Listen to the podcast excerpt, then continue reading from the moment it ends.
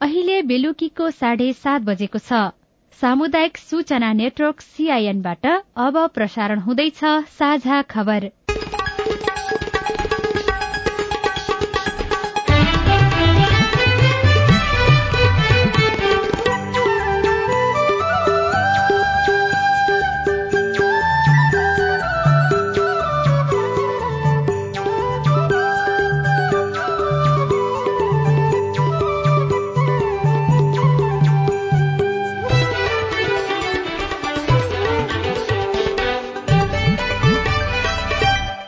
सीआईएनको साझा खबरबाट दीपक आचार्यको नमस्कार।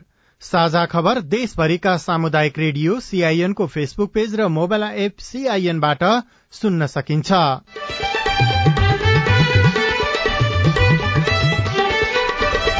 तनहु चितवन र बारामा वैशाख दशमा हुने उपनिर्वाचनका लागि उनासत्तरी जनाको मनोनयन दर्ता।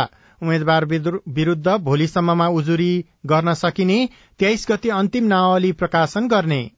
तेइस गते नाम फिर्ता लिने समय छ एक बजेसम्म अनि नाम फिर्ता लिएपछि अन्तिम नामावली प्रकाशित गर्ने चिन्ह विद्रोह गर्ने कार्य तेइस गते नै सम्पन्न हुन्छ। शासकीय अहंकार नदेखाउन प्रहरीलाई गृहमन्त्री श्रेष्ठको निर्देशन। सरकारले सय दिनमा गरेको कामको विवरण सार्वजनिक। मिटर ब्याजी समस्या समाधान गर्न तीन सदस्यीय जाँचबुझ आयोग गठन। पीडितलाई न्याय दिनको लागि नै त्यो गठन भएको हामीले पीडित न्याय दिलाएरै छोड्छौँ हामी। उनीहरूको चाहिँ पीडालाई सम्बोधन गर्ने गरेर पीडालाई उपचार गर्ने गरी हामी गर्छौँ काम। डण्डेलो तथा आगलागी नियन्त्रणका लागि कर्णाली प्रदेश सरकारद्वारा अग्नि नियन्त्रक नियुक्त। नेपालमा नियमित रेल सञ्चालन भएको पछिल्लो एक वर्षमा सरकारलाई बयालिस करोड़ रूपियाँ घाटा। आउँदो एक वर्षभित्र कार्गो सेवा सञ्चालन गर्ने सञ्चालन गरिसकेपछि त्यसले आमदनी गर्छ। पहिला यसलाई व्यवस्थित गर्ने त्यस पछाडि थप योजना बनाउने भन्ने हाम्रो मुख्य ध्येय रहेको छ। र आइपीएल क्रिकेटमा चेन्नई र लखनऊको खेल शुरू हुँदै।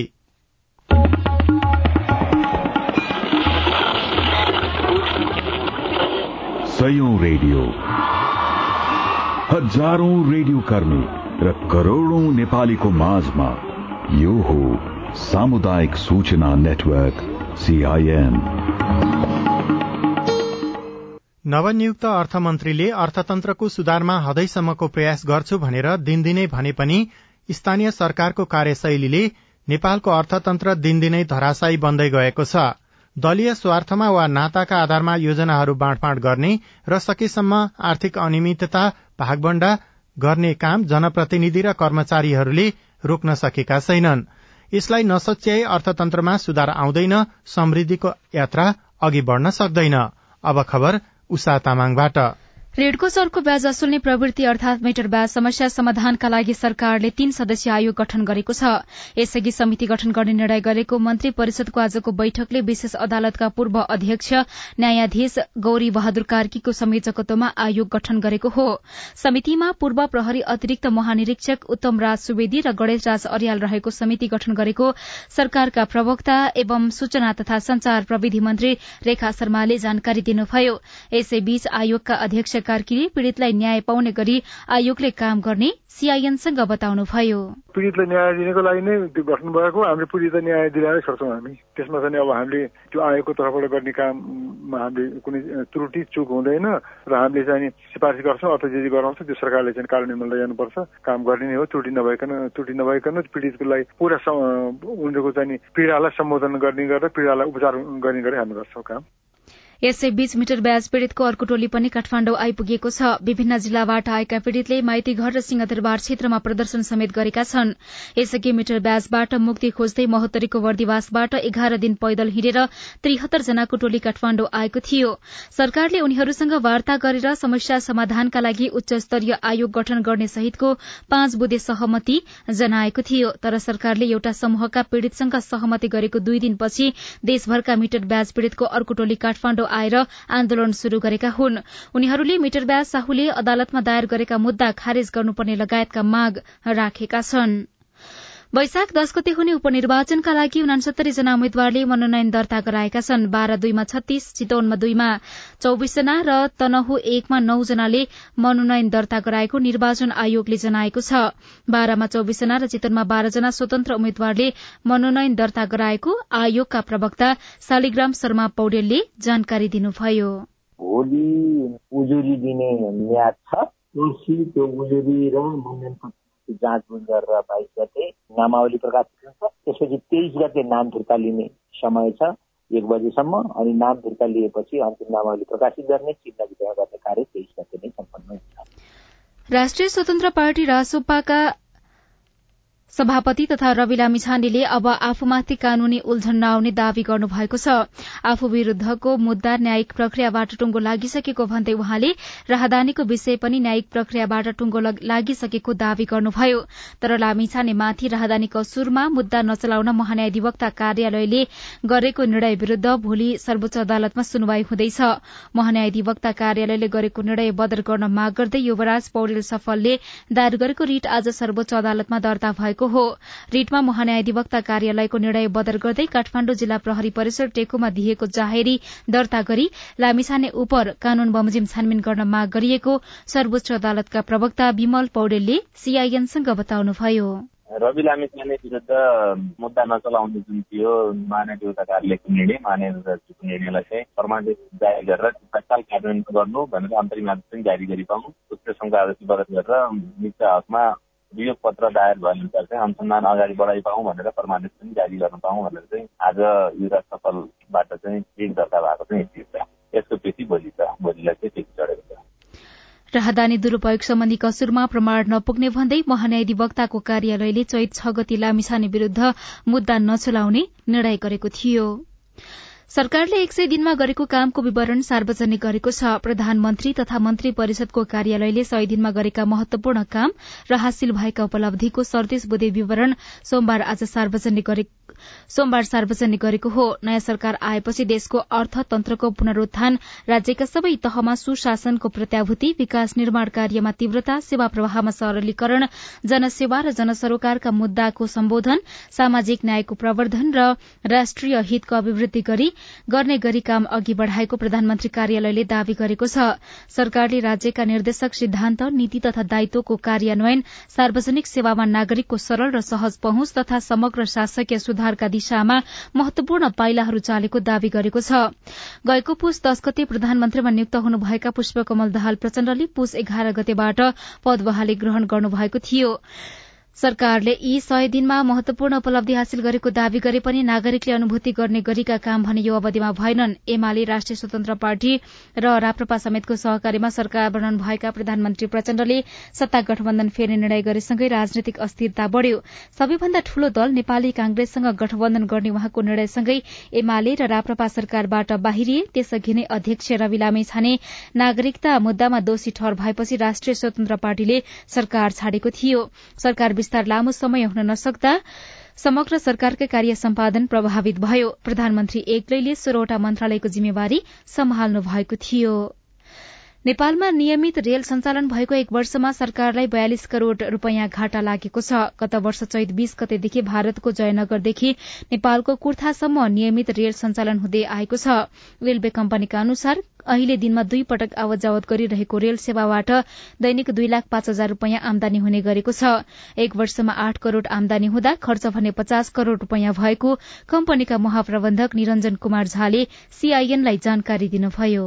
पहिलो कुरो त यो सञ्चालनमा हाम्रो आफ्नै manpower Nepali manpower हामीले ल्याउनको लागि ओएनएम गरिसक्यौं। अब स्थायी कर्मचारीको लोकसेवा मार्फत हामीले चाहिँ तपाईँलाई माग गर्छौं। हाम्रो आफ्नै कर्मचारी भइसकेपछि अहिले कस्ट लागिरहेको छ। त्यसलाई घटाउनको लागि एउटा यो मुख्य चाहिँ कुरो हो। अर्को कुरा चाहिँ मेन्टेनेन्स भारतमा भइरहेको छ वासिङ भारतमा भइरहेको छ फिलिङ पनि भारतमै भइरहेको थियो। फिलिङ हामी आफैले गर्न थालिसक्यौँ र फिलिङ स्टेसन बनाउँदैछौँ। वासिङको काम पनि हामी आफ्नै भूमिमा गर्छौँ। त्यसको लागि चाहिँ टेन्डर भएर काम सुरु भइसकेको छ। केही महिनापछि तपाईँलाई वासिङ सेन्टर पनि हाम्रो आफ्नै भइहाल्छ। अपरेसनल कुराको लागि चाहिँ चाहिने तिनवटा कुरा हामीले तयारीको काम थालिसक्यौँ। आउँदो एक वर्षभित्र कार्गो सेवा सञ्चालन गर्ने सञ्चालन गरिसकेपछि त्यसले आमदनी गर्छ। पहिला यसलाई व्यवस्थित गर्ने त्यस पछाडि थप योजना बनाउने भन्ने हाम्रो मुख्य ध्येय रहेको छ। नेपाल रेलवे कम्पनीमा छब्बीसजना भारतीय कर्मचारी कार्यरत छन्। नेपाली जनशक्ति नहुँदा भारतका कर्मचारीलाई मासिक अठार लाख रूपियाँ तलब दिनुपर्ने महाप्रबन्धक झाले बताउनुभयो। उप प्रधानमन्त्री तथा गृहमन्त्री नारायण काजी श्रेष्ठले शासकीय अहंकार नदेखाउन प्रहरीलाई निर्देशन दिनुभएको छ। आज प्रहरी प्रधान कार्यालयको अनुगमन गर्दै मन्त्री श्रेष्ठले प्रहरी संगठनले नागरिकलाई अहंकार रहित सेवा दिनुपर्ने बताउनुभयो। साझा खबरमा अब विदेशका खबर। मलेसियाको संसदले अनिवार्य मृत्युदण्डको कानून खारेज गर्ने पक्षमा मतदान गरेको छ। यससँगै अदालतले सबैभन्दा गम्भीर अपराधका लागि मृत्युदण्ड नदिएर चालिस वर्षसम्म आजीवन कारावास वा लाठी प्रहार जस्ता शारीरिक सजाय तोक्नेछ। यो निर्णयले सम्भावित मृत्युदण्डको सजाय कुरेका तेह्र सय भन्दा बढ़ी कैदीको जीवन जोगिएको अन्तर्राष्ट्रिय संचार माध्यमले जनाएका छनृ। साझा खबरमा अब खेल खबर। आइपीएल क्रिकेटमा अहिले चेन्नई सुपर किङ्स र लखनऊ सुपर जायन्ट्स खेल्दैछन्। लखनऊले टस जितेर फिल्डिङ रोजेको छ।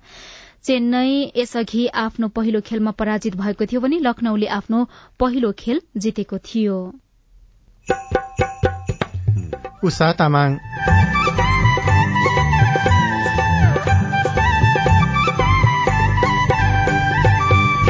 सल्यानका भूमिहीन नागरिक लाल पूर्जाको पर्खाईमा हामी अघिल्लो गएर पनि सुनाइहुन्न सोच्नु पर्ने हो र सरकारले। अहिले जग्गामा बसेको मान्छेहरूलाई लाल पूर्जा कसरी दिने हो? वर्षौंदेखिको समस्या समाधान भएन। रिपोर्टसँगै इम्बोस नम्बर प्लेट जडानमा भएको ढिलाइ र भाषा विवादको विषयमा विशेष कुराकानी बाँकी नै छ। सीआईएनको साझा खबर सुन्दै गर्नुहोला।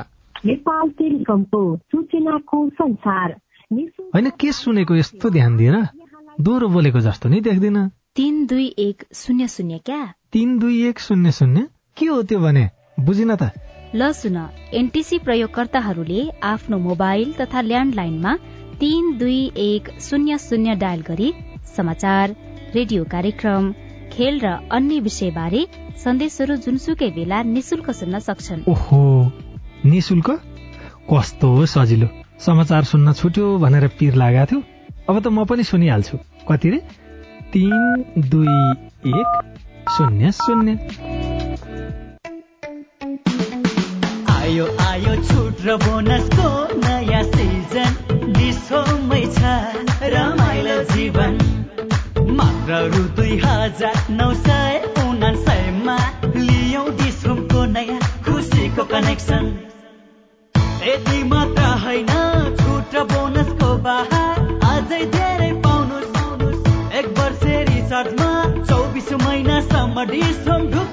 हेर्नुहोस्। एक वर्षमा चौबिस महिना सुनेको छ छैन। साथै एक वर्ष रिचार्जमा हरेक हप्ता साप्ताहिक लकी ड्रबाट नगद रु एक लाख जित्ने मौका पाउनुहोस्। डिस होमको बोनस योजना अन्तर्गत एक महिनाको वा रु एक हजार भन्दा कमको रिचार्जमा पाँच प्रतिशत बोनस। तीन महिनाको रिचार्जमा एक महिना बोनस। छ महिनाको रिचार्जमा तीन महिना बोनस। रु एक हजारको रिचार्जमा दस प्रतिशत बोनस। रु दुई हजारको रिचार्जमा बिस प्रतिशत बोनस। खुसीको कनेक्सन सामाजिक रूपान्तरणका लागि यो हो सामुदायिक सूचना नेटवर्क सीआईएन तपाई सामुदायिक सूचना नेटवर्क सीआईएनले काठमाडौँमा तयार पारेको साझा खबर सुन्दै हुनुहुन्छ। अब बाँकी खबर। दार्चुलामा असिनाले हिउँदे बाली र तरकारीमा क्षति पुर्याएको छ। आज दिउँसो परेको असिनाले जिल्लाका विभिन्न ठाउँमा पाक्न लागेको गहुँ लगायतका हिउँदे बाली र तरकारी खेतीमा क्षति पुगेको शैलेशिखर नगरपालिका सातका अमरसिंह धामीले बताउनुभयो। रेडियो लिपु लेखले खबर पठाएको छ। अनलाइन ठगीमा संलग्न रहेको आरोपमा जनकपुर धामबाट तेइस जनालाई पक्राउ गरिएको छ। पिडारी चोक स्थित बर्गर हाउसको छेउबाट उनीहरूलाई आज साँझ पक्राउ गरिएको जिल्ला प्रहरी कार्यालय धनुषाले जनाएको छ। पिडारी चोकमा फ्ल्याट भाडामा लिएर उनीहरूले अनलाइन ठगी गरिरहेको सूचनाका आधारमा पक्राउ गरिएको हो। डणेलो तथा आगलागी नियन्त्रणका लागि कर्णाली प्रदेश सरकारले अग्नि नियन्त्रक नियुक्त गरेको छ। प्रदेश वन निर्देशनालय कर्णाली प्रदेशले प्रदेश अन्तर्गतका जिल्लामा आगलागी तथा डणेलो नियन्त्रणका लागि एक सय आठ जना अग्नि नियन्त्रक नियुक्त गरेको हो। सुर्खेत जिल्लाका लागि सबैभन्दा बढ़ी चौविस जना डोल्पा कालीकोट हुम्ला र मुगुमा सात सात जना जुम्ला जाजरकोट र दैलेखमा बाह्र बाह्र जना सल्यानमा सोह्र जना र रूकुम पश्चिमका लागि आठजना अग्नि नियन्त्रक नियुक्त गरिएको छ। आगलागी नियन्त्रणका लागि खटिने उनीहरूका लागि जीवन बीमा समेत गरेको निर्देशनालयका निमित्त प्रमुख भरत कुमार थापाले जानकारी दिनुभयो। सल्यान जुम्ला सुर्खेत दैलेख जागरकोट बढी चाहिँ आगलाईबाट प्रभावित हुने जिल्लाहरू भने यिनी पर्छन्। अनि त्यसले गर्दाखेरि आगलाईको जोखिम हेरेर यसलाई चाहिँ नियन्त्रण गर्नुपर्छ। एउटा चाहिँ फोकल कार्यक्रम राख्नुपर्छ भन्ने हिसाब किताबले स्पेसल प्रोग्राम भनेर चाहिँ सचिवज्यूकै इनोभेसनमा चाहिँ यो चाहिँ प्रोग्राम राखेको रहेछ। काम भनेको त्यही आगो चाहिँ निभाउने नियन्त्रण तथा रोकथाम गर्ने र आग लागि हुनुभन्दा अगाडि जनसमुदायहरूलाई सचेत गराउने आगोले चाहिँ वन डढेलो लाग्नबाट नदिउँ भनेर उहाँहरूको प्रचार प्रसार गर्ने रोकथाम गर्ने डिभिजन वन अधिकृतहरूले उहाँहरूको चाहिँ मूल्याङ्कन गर्नुहुन्छ र प्रमाणित दोहोरो हाजिर भएपछि कामको रेकर्डको आधारमा उहाँहरूलाई तलब दिने हो। उनीहरूको तलब भत्ताका लागि अस्सी लाख खर्च हुनेछ भने आवश्यक उपकरण खरिदका लागि पच्चीस लाख बजेट विनियोजन गरिएको छ। सरकारले देशका विभिन्न ठाउँमा रहेका भूमिहीन दलित तथा सुकुम्बासीलाई जग्गा उपलब्ध गराउन र लाल पूर्जा दिन थालेको छ तर सल्यानका भूमिहीन सुकुम्बासीले भूमि आयोगबाट घर निर्माणका लागि जग्गा प्राप्त गरे पनि लाल पूर्जा पाउन सकेका छैनन्। लाल पूर्जा नभएकै कारण जग्गा धितोमा राखेर ऋण लिन र व्यवसाय गर्न अप्ठ्यारो भएको भूमिहीन सुकुम्बासीले गुनासो गरेका छन्। शारदा नगरपालिका एक शान्तिनगरका गौरी नेपालीलाई सुकुम्बासी आयोगले घर बनाउनका लागि दुई हजार बाहन्न सालमा जग्गा दियो। आयोगले प्रक्रिया पूरा गरेर जग्गा धनी प्रमाण पत्र दिने भनेपछि गौरीले ऋणधन गरेर घर बनाउनु भयो सातजनाको परिवार गुजराका लागि बालुवा चाल्ने गिट्टी कुट्ने काम गर्छ। ओतका लागि घर छ तर लालपूर्जा नहुँदा गौरीलाई घर भएर पनि भए जस्तो लागेको छैन। घर बनाएको वर्ष भयो। हामी एक्लै गएर पनि सुनाइ हुन्न। सोच्नु पर्ने हो क्या सरकारले? ऐलानी जग्गामा बसेको मान्छेहरूलाई लाल पूर्जा कसरी दिने हो? शान्तिनगरकै मित्रलाल नेपाली पनि एलानी जग्गामा बस्दै आएको दुई दशक बढी भयो तर उहाँले अहिलेसम्म जग्गाको लाल पूर्जा पाउनु भएको छैन। घर बनाउन सरकारले जग्गा दिए पनि लाल पूर्जा दिएको छैन। लाल पूर्जा नहुँदा जग्गा धितोमा राखेर ऋण लिन व्यापार व्यवसाय गर्न नसकिएको मित्रलाल सुनाउनुहुन्छ।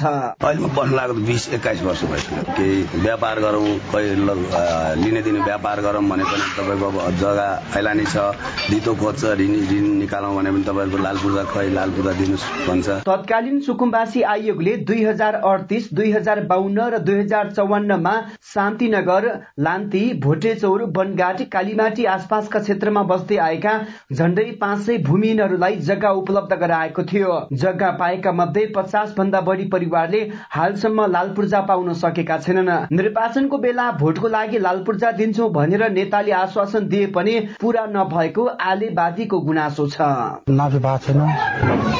नाफी भएको छैन अनि अरू दाईभाइको हाम्रो यो गाउँको पनि लाल पूर्जा पाएको छैनन् कतिले पाएको छन् कतिले पाएको छैनन् सर। जिल्लाको कालीमाटी र त्रिवेणी गाउँपालिकाले भूमिहीन सुकुम्बासीहरूको लगत संकलनको काम गरिसकेका छन् भने बाँकी स्थानीय तहले लगत संकलनको काम गरिरहेका छन्। घर भए पनि लाल पूर्जा नपाएकाहरूले कहिले लाल पूर्जा पाउँछन् त? राष्ट्रिय भूमि आयोग सल्यानका अध्यक्ष वीरबहादुर सेजवाल। लगत संकलन कार्यक्रमदेखि लगेर त्यसको प्रविष्टि पनि हुन्छ। त्यो नगरुन्जेलसम्म अगाडि बढाउने अनुमति छैन र पालिकाबाट आइसकेपछि मात्रै हामी त्यसलाई अगाडि बढ्छौँ। दुईवटा पालिकाले हामीलाई ताकेता गरिरहनु भएको छ त्रिवेणी गाउँपालिका र कालीमाटी गाउँपालिका। हामीले राष्ट्रिय भूमि आयोग केन्द्रीय कार्यालयसँग सम्पर्क गरेका छौँ। दुई महिनाभित्र त्यहाँको लाल पूर्जा वितरण हुन्छ। आफ्नै घरको लाल पूर्जा नपाउँदा कसैले आफ्नो जग्गा हडप्ने हो कि भन्ने चिन्ता स्थानीयमा छ। बुद्धिपुन सीआईएन सामुदायिक रेडियो राप्ती सल्यान। साझा खबरमा अब हेलो सीआईएन सजना तिमल सिन्हाबाट। नुवाकोटको बेलकोटगढ़ी नगरपालिकाबाट भरत लामाले सड़क निर्माणको क्रममा खोलाको क्षमता अनुसारको पाइप नहाल्दा आफ्नो नौ रोपने खेतीयोग्य जमीनमा क्षति गरेकाले राहत कहिले पाउँछु भनेर सोध्नु भएको छ। भरतजी तपाईँको गुनासो हामीले बेलकोटगढ़ी नगरपालिकाका प्रमुख जगत बहादुर गुरूङलाई सुनाएका छौं। कुनै पनि विलम्ब नगरिकन सम्बोधन गरौं भन्ने मेरो अठोट हो मेरो चाहना हो तर स्रोत र साधन मानवीय स्रोत लगायतका आर्थिक स्रोतदेखि लिएर सबै कुराको चाहिँ पहुँच अझै पनि स्थानीय सरकारसँग छैन। हामीले यो सम्बन्धित निकायहरूमा भनिराखेका छौँ। नमस्कार मेरो नाम पितामर प्रसाद पोखरेल। म सियान्चोक गाउँपालिका वार्ड नम्बर चारबाट। म एउटा दृष्टिविहीन व्यक्ति हुँ। म चाहिँ सियान्चोक गाउँपालिकाको वार्ड नम्बर चारको कार्यालयमा जाँदाखेरि अपाङ्ग मैत्री भवन पनि छैन र भएको भवन पनि अर्काको घरमा भाडामा राखेको रहेछ। हाम्रो पोखरेल समाजले एउटा भवन दिएको थियो। त्यो भवनमा चाहिँ अहिलेसम्म चाहिँ नि त्यो वडा कार्यालय सारेको पनि छैन र हामी अपाङ्ग व्यक्तिको लागि चाहिँ अपाङ्ग मैत्री शौचालय र अपाङ्ग मैत्री भवन कहिले बन्छ? यसबारेमा हामीले गोर्खाको सिराञ्चोक गाउँपालिकाको वडा नम्बर चारका अध्यक्ष भरत हमालसँग बुझ्यौं। हमालका अनुसार पोखरेल समाजले दिएको भवनमा वैशाख लागेपछि सर्ने योजना छ र त्यही नजिकै स्थानीयले दान गरेको जग्गामा अपाङ्ग मैत्री भवन बनाउने योजना छ। नमस्ते मेरो नाम शङ्कर उपाध्याय दैलेख दुईबाट। म नेकपा समाजवादीबाट वडा सदस्य पदमा विजयी भएको छु। तर मैले अर्कै पार्टीमा जाँदा मेरो पद खारिज हुन्छ या रहन्छ? जिज्ञासा मेटाउँदै हुनुहुन्छ निर्वाचन आयोगका प्रवक्ता शालिग्राम शर्मा पौडेल। यो त तपाईँको पार्टीले गर्ने डिसिजन हो। कुराहरूको लेखापढी भएर तपाईँले त्यागेको कुरा त्यो पार्टीको आधिकारिक निकायबाट निर्णय भएर आएपछि मात्रै आयोगले डिसिजन गर्ने विषय हो। जो अहिले तपाईँले त्याग्दैमा आयोगले त्यो विषयमा टुङ्गोमा पुग्दैन तपाईँको पार्टीले लेखेर पठाउनु पर्छ तपाईँ जुनसुकै बेला हाम्रो टेलिफोन नम्बर शून्य एक बान्न साठी छ चार छमा फोन गरेर आफ्नो विचार प्रश्न गुनासो तथा प्रतिक्रिया रेकर्ड गर्न सक्नुहुनेछ। तपाई सामुदायिक सूचना नेटवर्क सीआईएनले काठमाडौँमा तयार पारेको साझा खबर सुन्दै हुनुहुन्छ। इम्बोस नम्बर प्लेट जडानमा भाषा विवाद के हो? विदेशतिर पनि हाम्रो ट्रेड अथवा चाहिँ मुभमेन्ट बढाउने हो भनेदेखि चाहिँ इङ्ग्लिसमा चाहिँ सहज हुने कुरा भयो। नेपालीलाई नै प्रोत्साहित गर्छौँ भन्ने हो भने नेपालीमा राख्दा पनि गलत होइन। निर्णय हुन्छ कार्यान्वयन हुन गाह्रो छ। एकजना विज्ञसँगको कुराकानी बाँकी नै छ। सीआईएनको साझा खबर सुन्दै गर्नुहोला। ल कान्छा यतिका दिन जे भयो भयो। अब दाई दिदी बहिनीहरूसँग रिस नराखेस् है। कान्छा दाईले मात्रै होइन क्या आमा? मेलमिलाप भइसकेपछि अब कसैले मन अमिलो बनाउनु भएन। तपाईँहरूले नै रोजेका मेलमिलापकर्ता राखेर जग्गाको साँठ सिमाना बारेको नौ वर्षदेखिको विवादमा मेलमिलाप भयो। योभन्दा खुसीको कुरा हामी मेलमिलापकर्ताको लागि के हुन्छ र? मेलमिलापकर्ता बाबु हामी दुई भाइ बीचको झगडालाई यति सजिलै चाँडै मिलाइदिनु भएकोमा तपाईँलाई मुरी मुरी धन्यवाद छ। मैले यो मेलमिलाप केन्द्र भन्ने त अलि पहिले नै सुनेको थिएँ क्या बाबु? मन माझ गरेर दुवै पक्षले जित्ने गरी पो कुरा मिलाउनु हुने रहेछ। कस्तो राम्रो। मनमुटाप गर्नेहरूलाई अबदेखि यो मेलमिलाप केन्द्रमै जाऊ भन्छु म चाहिँ। सुन्नुहोस् आमा। सरकारी सामुदायिक र सार्वजनिक बाहेक जग्गा सम्बन्धी विवाद गाली बेजती लुटपिट सहित विभिन्न एघार प्रकारका विवाद हरेक वडामा रहेका मेलमिलाप केन्द्रबाट मिलापत्र गराउन सकिन्छ नि आमा। कस्तो राम्रो। अनि हरेक वडामा यस्ता मेलमिलाप केन्द्र छन् त बाबु? छन् नि आमा। किन नहुनु? कुनै कुनै वडामा दुई वा त्यसभन्दा धेरै पनि छन्। विवादका पक्ष र विपक्षका व्यक्तिले चाहेको मेलमिलाप केन्द्रबाट निकास खोज्न सकिन्छ। वडाको मेलमिलाप केन्द्रबाट विवाद समाधान भएन भने नि आमा। हजुर। पालिकाको न्यायिक समितिले पनि विवाद समाधानका लागि छलफल गराउन सक्छ। आहा। यति भएपछि त गाउँघरको झगडा गाउँमै हाँसु खुसीका साथ मिल्ने भइहाल्यो नि होइन त? हो नि आमा। अस्ट्रेलिया सरकार र द एसिया फाउन्डेशनको साझेदारीमा सञ्चालित स्थानीय सरकार सबलीकरण कार्यक्रम र अकोराब नेपाल। सामाजिक रूपान्तरणका लागि यो हो सामुदायिक सूचना नेटवर्क सीआईएन तपाई सामुदायिक सूचना नेटवर्क सीआईएनले काठमाडौँमा तयार पारेको साझा खबर सुन्दै हुनुहुन्छ। सबै सवारी साधनमा इम्बोस नम्बर प्लेट जडानको चर्चा लामो समयदेखि चल्दै आएको छ। सरकारले पटक पटक सूचना जारी गर्दै इम्बोस नम्बर प्लेट जडान अनिवार्य गर्नुपर्ने जनाए पनि लागू हुन सकेको छैन। ठेक्का सम्झौता भएको छ वर्षमा पैंतिस हजार सवारी साधनमा मात्र यो जडान गरिएको छ। अझ पछिल्लो समय इम्बोस नम्बरमा नेपाली भाषा लेख्ने कि अंग्रेजी भन्नेमा विवाद देखिएको छ। इम्बोस नम्बर प्लेट बारेको विवाद समाधानको उपाय अन्तर्राष्ट्रिय अभ्यासका बारेमा साथी राजन रुचालले यातायात विज्ञ आशिष गजुरेलसँग कुराकानी गर्नुभएको छ। अब यस्तो हाम्रो चाहिँ हामीले कसरी योजना बनाउँछौँ भन्ने चाहिँ एकदमै ठुलो कुरा हो होइन? जस्तो अब इम्बोस नम्बर प्लेट भनेको के हो त भन्दा हामीले बुझ्दाखेरि हामी प्रविधि मैत्री हुने हो। जसरी आज हामी चाहिँ मोबाइल चलाउँछौँ यो त टेक्नोलोजी तपाईँको जोडिएको छ। आज तपाईँले मोबाइल लिएर कतै जानुभयो भनेदेखि तपाईँलाई ट्र्याक गर्न पनि सजिलो हुन्छ होइन? प्रविधि जोडिएको छ। प्रविधिबाट फर्किँदैछौँ त्यसको मतलब नेपाली नम्बर प्लेट राख्दै गर्दाखेरि। होइन होइन। अब हिजोको दिनमा चाहिँ के सोच्यो भन्दा अब हामी चाहिँ कमसे कम पनि हाम्रो सवारी साधन चाहिँ अब नेपालमा मात्र होइन यो चाहिँ अब अन्य देशमा पनि अब फ्रिली हिँड्छ भन्ने कन्सेप्टमा चाहिँ के गर्यो भन्दा सबैले बुझ्न सक्ने चाहिँ इङ्ग्लिस अल्फाबेटमा चाहिँ नम्बर प्लेट राख्ने भन्ने त्यो सोचको साथ चाहिँ यो नम्बर प्लेट डिजाइन भयो। अब तर पछिल्लो समय फेरि के आयो भन्दाखेरि होइन नेपालमा भयो भनेदेखि त नेपालीमा हुनु पर्यो नि। अन्य देशको पनि उदाहरण हेर्दाखेरि अब कति देशमा आफ्नै देशको पनि अल्फाबेट युज भइरहेको छ।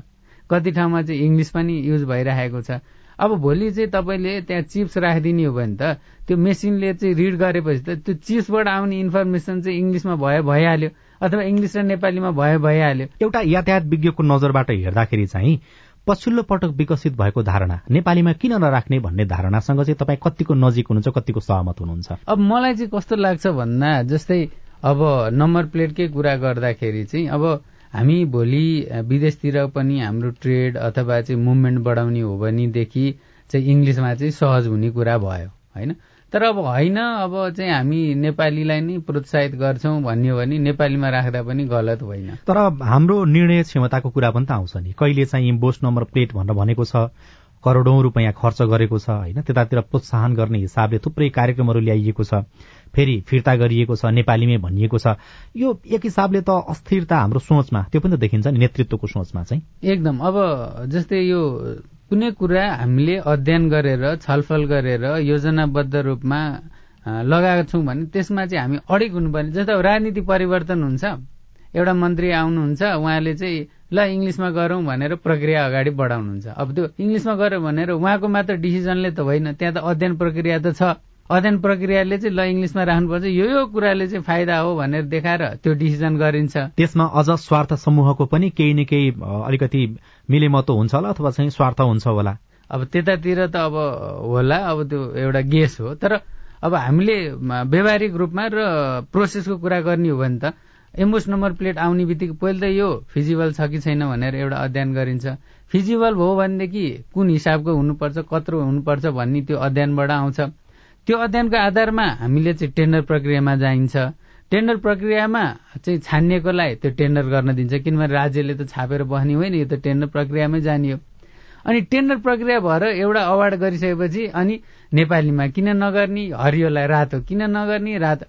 अब एउटा राज्यले डिसिजन गरेर टेन्डरमा गरेपछि अवार्ड गरेपछि त त्यसैमा स्टिक हुनु पर्यो नि। गलत होस् सही होस् त्यो डिसिजन गर्दाखेरि जे सही थियो त्यसलाई सही हुनु पर्यो नि। कि त निर्णय गर्नु भएन। निर्णय गरिसके पछाडि लागू हुने किसिमले निर्णय गर्नु पर्यो हो। अनि विरोध गर्ने बित्तिकै विरोध गर्ने बित्तिकै चाहिँ यो गलत हो भन्नु भएन नि। सवारी साधनको नम्बर प्लेटमा अक्षरहरू चाहिँ इङ्ग्लिसमा लेख्दैमा अथवा नेपालीमा नलेख्दैमा नेपाली भाषा कमजोर हुने हो र। होइन। त्यो हुँदै होइन होइन? जस्तो नेपाली भाषा पनि हामीलाई त्यति नै महत्वपूर्ण छ इङ्ग्लिस भाषा पनि महत्वपूर्ण छ। दुइटैमा पनि त लेख्न सकिन्छ होला होइन? हामी किन इङ्ग्लिस पढिरहेको छौँ भन्दा आज हामी विश्वभरि जहाँ गए पनि हामी काम गर्न सकौँ। किनभने भाषा भएर पनि त काम गर्न सकिँदैन नि। त्यही होइन। सबैजना हामी चाहिँ इङ्ग्लिस पढ्न प्रेरित गर्छौँ नि। स्कुलमा चाहिँ तपाईँको स्कुल इङ्ग्लिस पढाउँछौँ नि।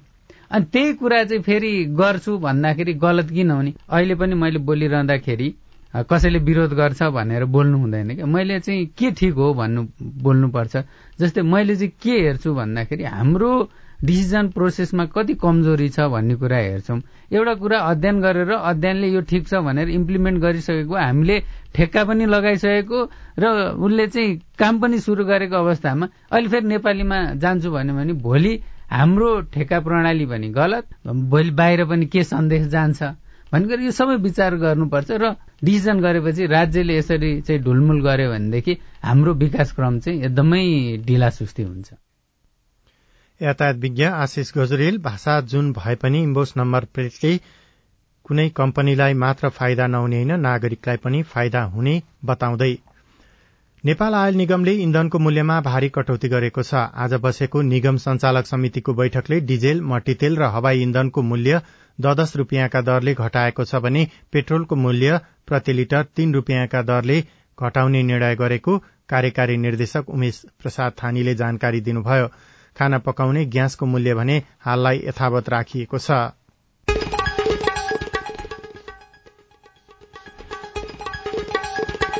तनहु चितवन र बारामा वैशाख दशमा हुने उपनिर्वाचनका लागि उनासत्तरी जनाको मनोनयन दर्ता भएको छ। शासकीय अहंकार नदेखाउन सुरक्षाकर्मीहरूलाई गृहमन्त्री श्रेष्ठले निर्देशन दिनुभएको छ। सरकारले सय दिनमा गरेको कामको विवरण आज सार्वजनिक गरेको छ। मिटर ब्याजी समस्या समाधान गर्न तीन सदस्यीय जाँचबुझ आयोग गठन गरिएको छ र आइपीएल क्रिकेटमा चेन्नई र लखनऊ खेल्दैछन्। हवस् आजलाई साझा खबरको समय सकियो। प्राविधिक साथी सुनिल राज भारतलाई धन्यवाद। भोलि चैत एक्काइस गते बिहान छ बजेको साझा खबरमा फेरि भेटौँला। अहिलेलाई भने म दीपक आचार्य पनि विदा हुन्छु। नमस्कार शुभरात्री।